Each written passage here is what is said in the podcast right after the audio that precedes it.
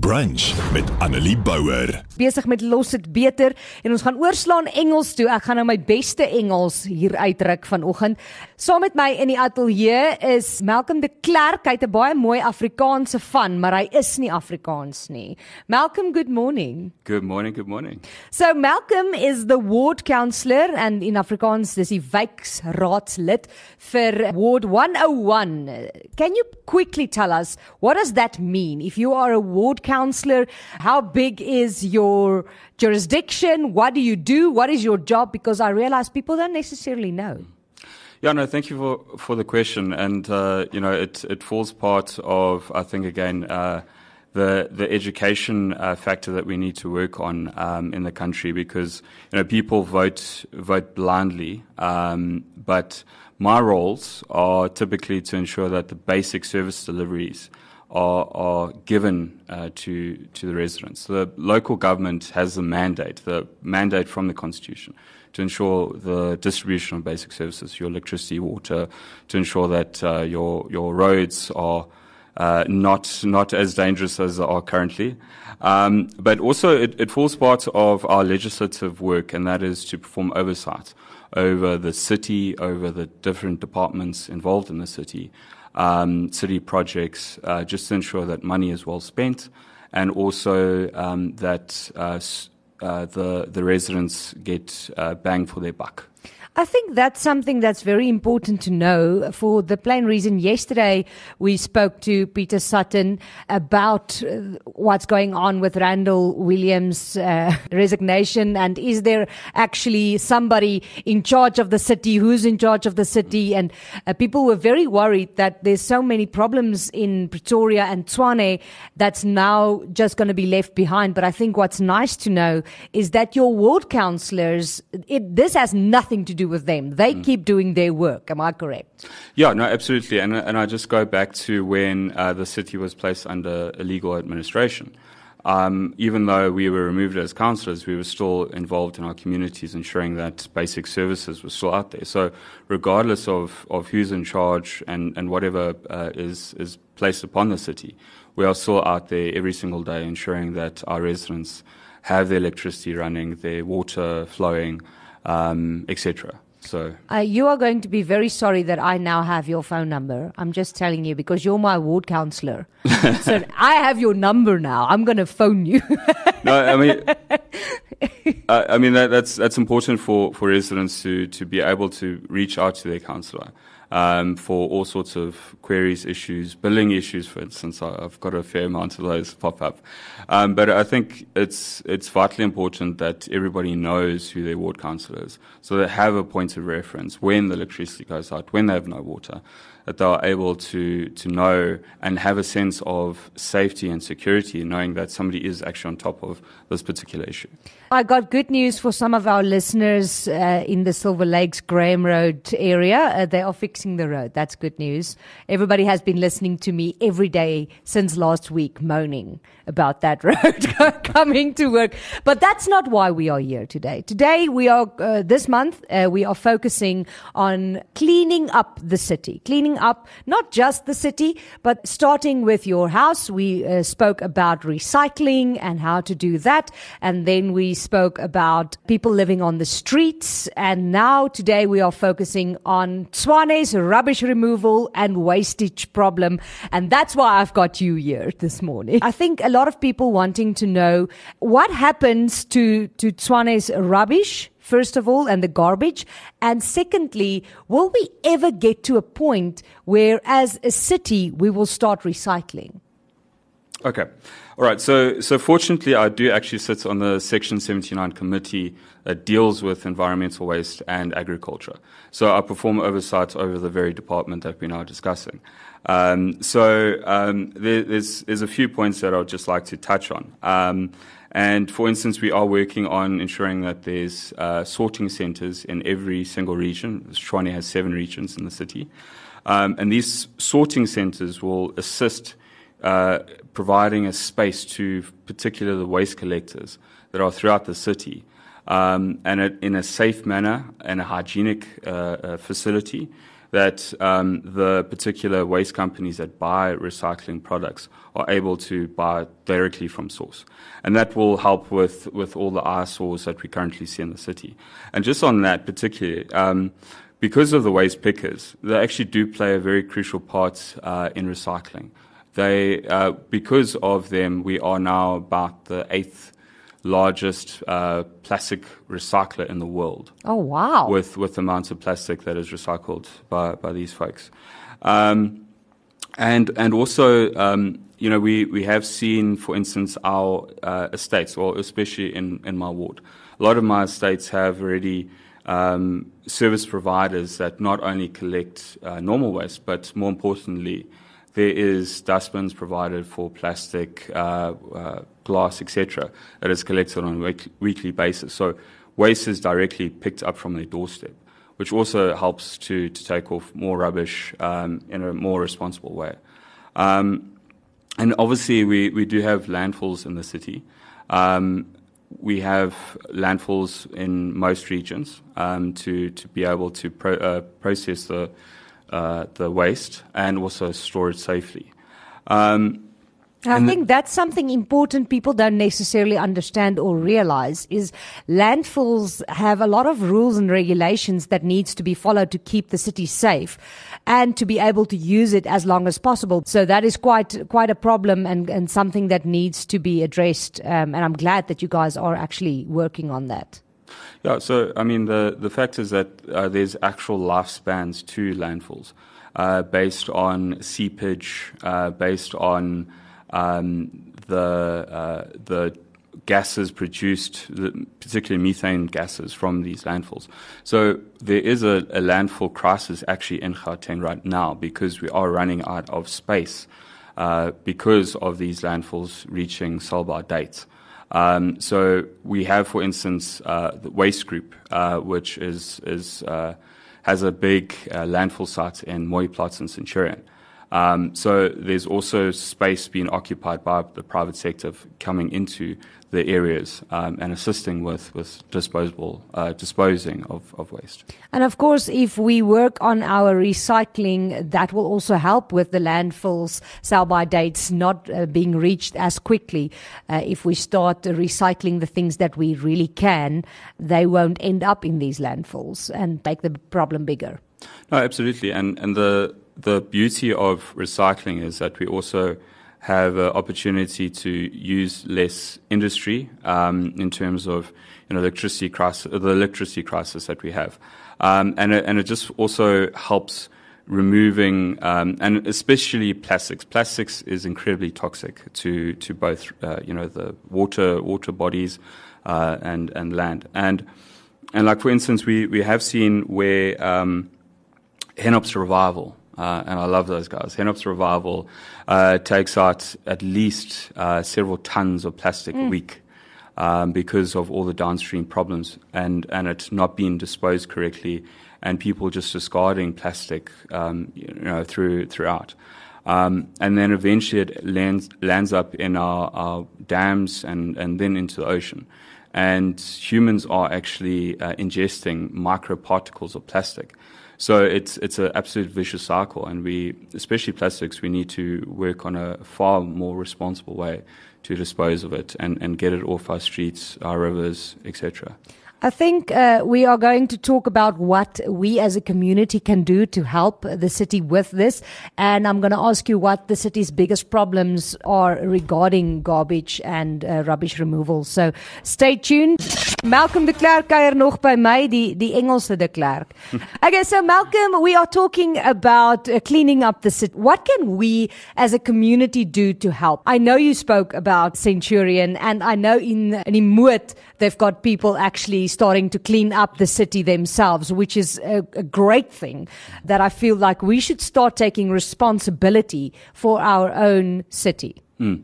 Yeah, I mean, you, you, you raise a, a, valid point, and, and that is to say that um, it's, it's government's responsibility to manage landfills, collect waste. But more importantly, it's up to the individual community members to dispose of their own waste responsibly.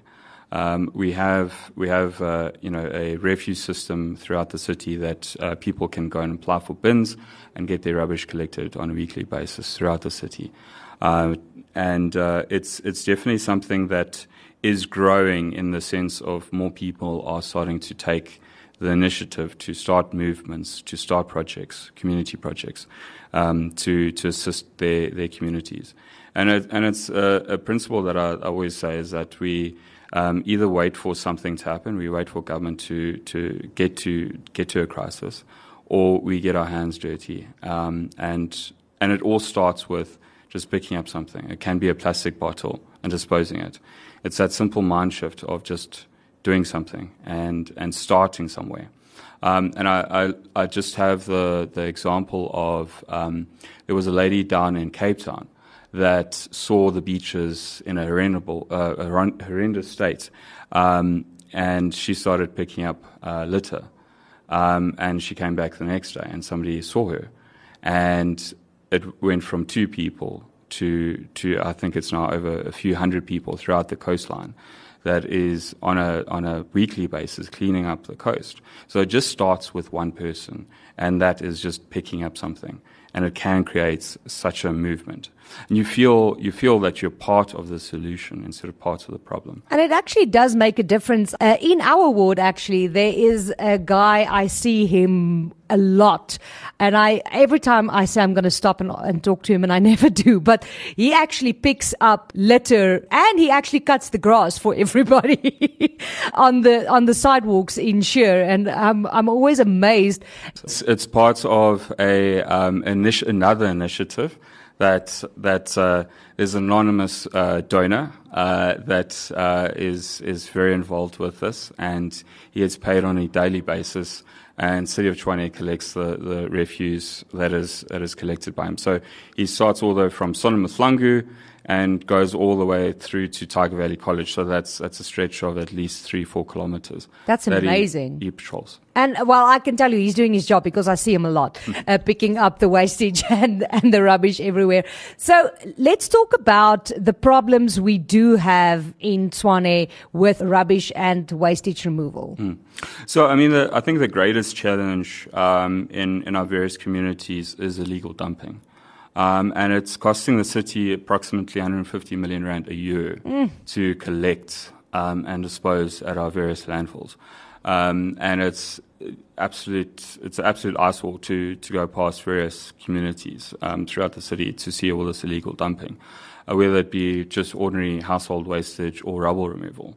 Um, and especially where, where we have a lot of uh, construction in Pretoria East specifically, there's a lot of rubble removal that is just disposed all over our roads, our fields, etc.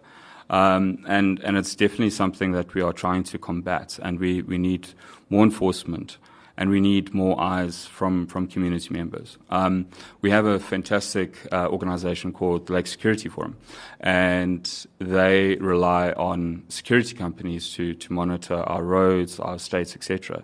And as soon as there's a incidence of uh, illegal dumping, um, pictures are received, number plates. That's that sends off. Uh, that gets sent off to uh, TMPD to issue fines. But more importantly, that information is tracked. And as soon as a, a truck from these, these particular instances come into estates, there's an alarm triggered and um, they, they cannot enter estates because of violations. Oh, wow. That is amazing. The other thing I was wondering about is something we take for granted, I feel, is pedestrian dustbins because we see them. We always think there's not enough of them. And do people actually use them? Are they necessary? And how many dustbins do we need? Yeah, so I mean, the, the, the dustbins along um, especially busy routes are, are dramatically important. And I, I think also uh, near taxi ranks, for instance, where there's a large congregation of people. Um, and it, it is used um, because I often get uh, residents say, you know, the dustbins are full, please can you send the 20 teams to go and collect? Um, and I think it's also just a, a basic, a basic behavioral um, issue is when there's no dustbins and if you've got re- uh, refuse uh, with you, either you've had lunch or a, a, plastic bottle, you, you're looking for a dustbin to dispose of it. But if there's no dustbins, you know, either you take it home with you and dispose it there or you, or you chuck it out. Um, and that's often a, a, a thing uh, that, that I've noticed and observed. Um, and we need, we need hundreds more dustbins. We need thousands more dustbins throughout the city to, to start to take the, the refuse off the streets and into the dustbins. That is uh, something that I know we need. And we spoke to you, and you said that one of the problems in, in your ward is uh, specifically pedestrian dustbins. Where do you need these dustbins and why? So, so I, I, touched on it. Um, we we predominantly need it where where our taxis uh, congregate and and uh, collect the the various workers from the different estates and businesses in the wards.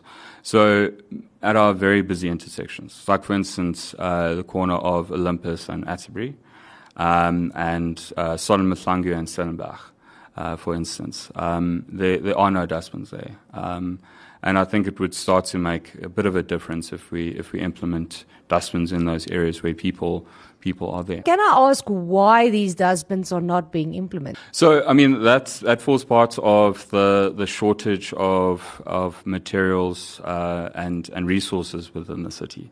Um, and there is a, a massive backlog um, with with with this uh, instance, um, and we have we have seen again private initiatives, um, whether it be a a big uh, unsightly 80 litre drum by community members to, to try and combat this. Um, but in general, it, it is a, a, resource issue in the city, unfortunately. See, people are sending me WhatsApps and they're saying they understand that the dustbins are necessary, but they feel that they are always overflowing and not being emptied. Who do you contact if you want that to be, be solved? So, again, your ward councillor your your local representative, if you send a, a complaint to say um, on X road, and and here's here's phot- photographic evidence to say there is uh, this dustbin uh, overflowing, we we cl- quickly get involved with the uh, city officials, and within a 24 hour to 48 hour period, they get cleaned up. So you should know who your ward councillor is. Absolutely. That's, so it's not who you are, it's who you know. And I know Malcolm.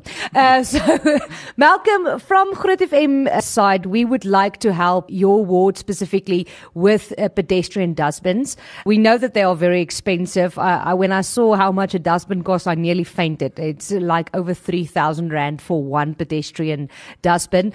And we were able, with donations from some of our listeners, to buy four pedestrian dustbins uh, for your ward specifically. And I hope that that, I know it's not a lot, but I hope that it will help and start at least cleaning up those busy intersections you spoke about.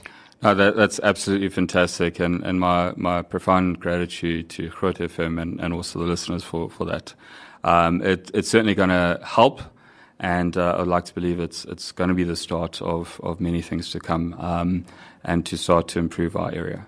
So we are very excited. Uh, thank you so much for coming in this morning. I know you are super busy. You have so many things that you have to oversee and try and fix. We do appreciate it. I know that it sounds like we're always just moaning, but we do see what you are trying to do and we do appreciate it. So if you have uh, any advice for residents in Pretoria or Tshwane specifically about not just rubbish removal, but problems in their area if they can't do it themselves. What would you say people should do?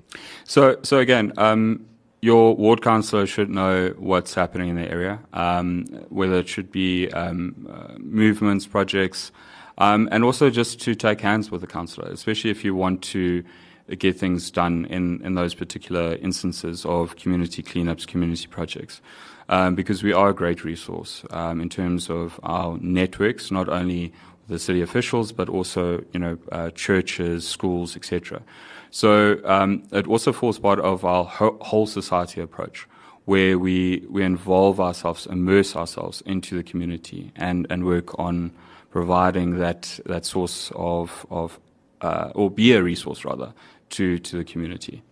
Thank you very much. We can't wait to see those dustbins up and running in in uh, in Ward 101 uh, in Pretoria and Swane. En uh, as jy nou wil betrokke raak, uh, gaan kyk wie is jou uh, wijkraadlid. Maak seker jy weet wat hulle nommer is en uh, help ook sommer self skoonmaak. Leer jou kinders, gebruik die skole, gebruik die kerke en begin die area skoonmaak en so kan ons ons stad skoon kry. Thank you very much Malcolm. Have a great day. Thanks you and and you too and to all the listeners. Thanks. Annelie Bouwer, weekoggend tussen 9 en 12 op Groot FM 90.5.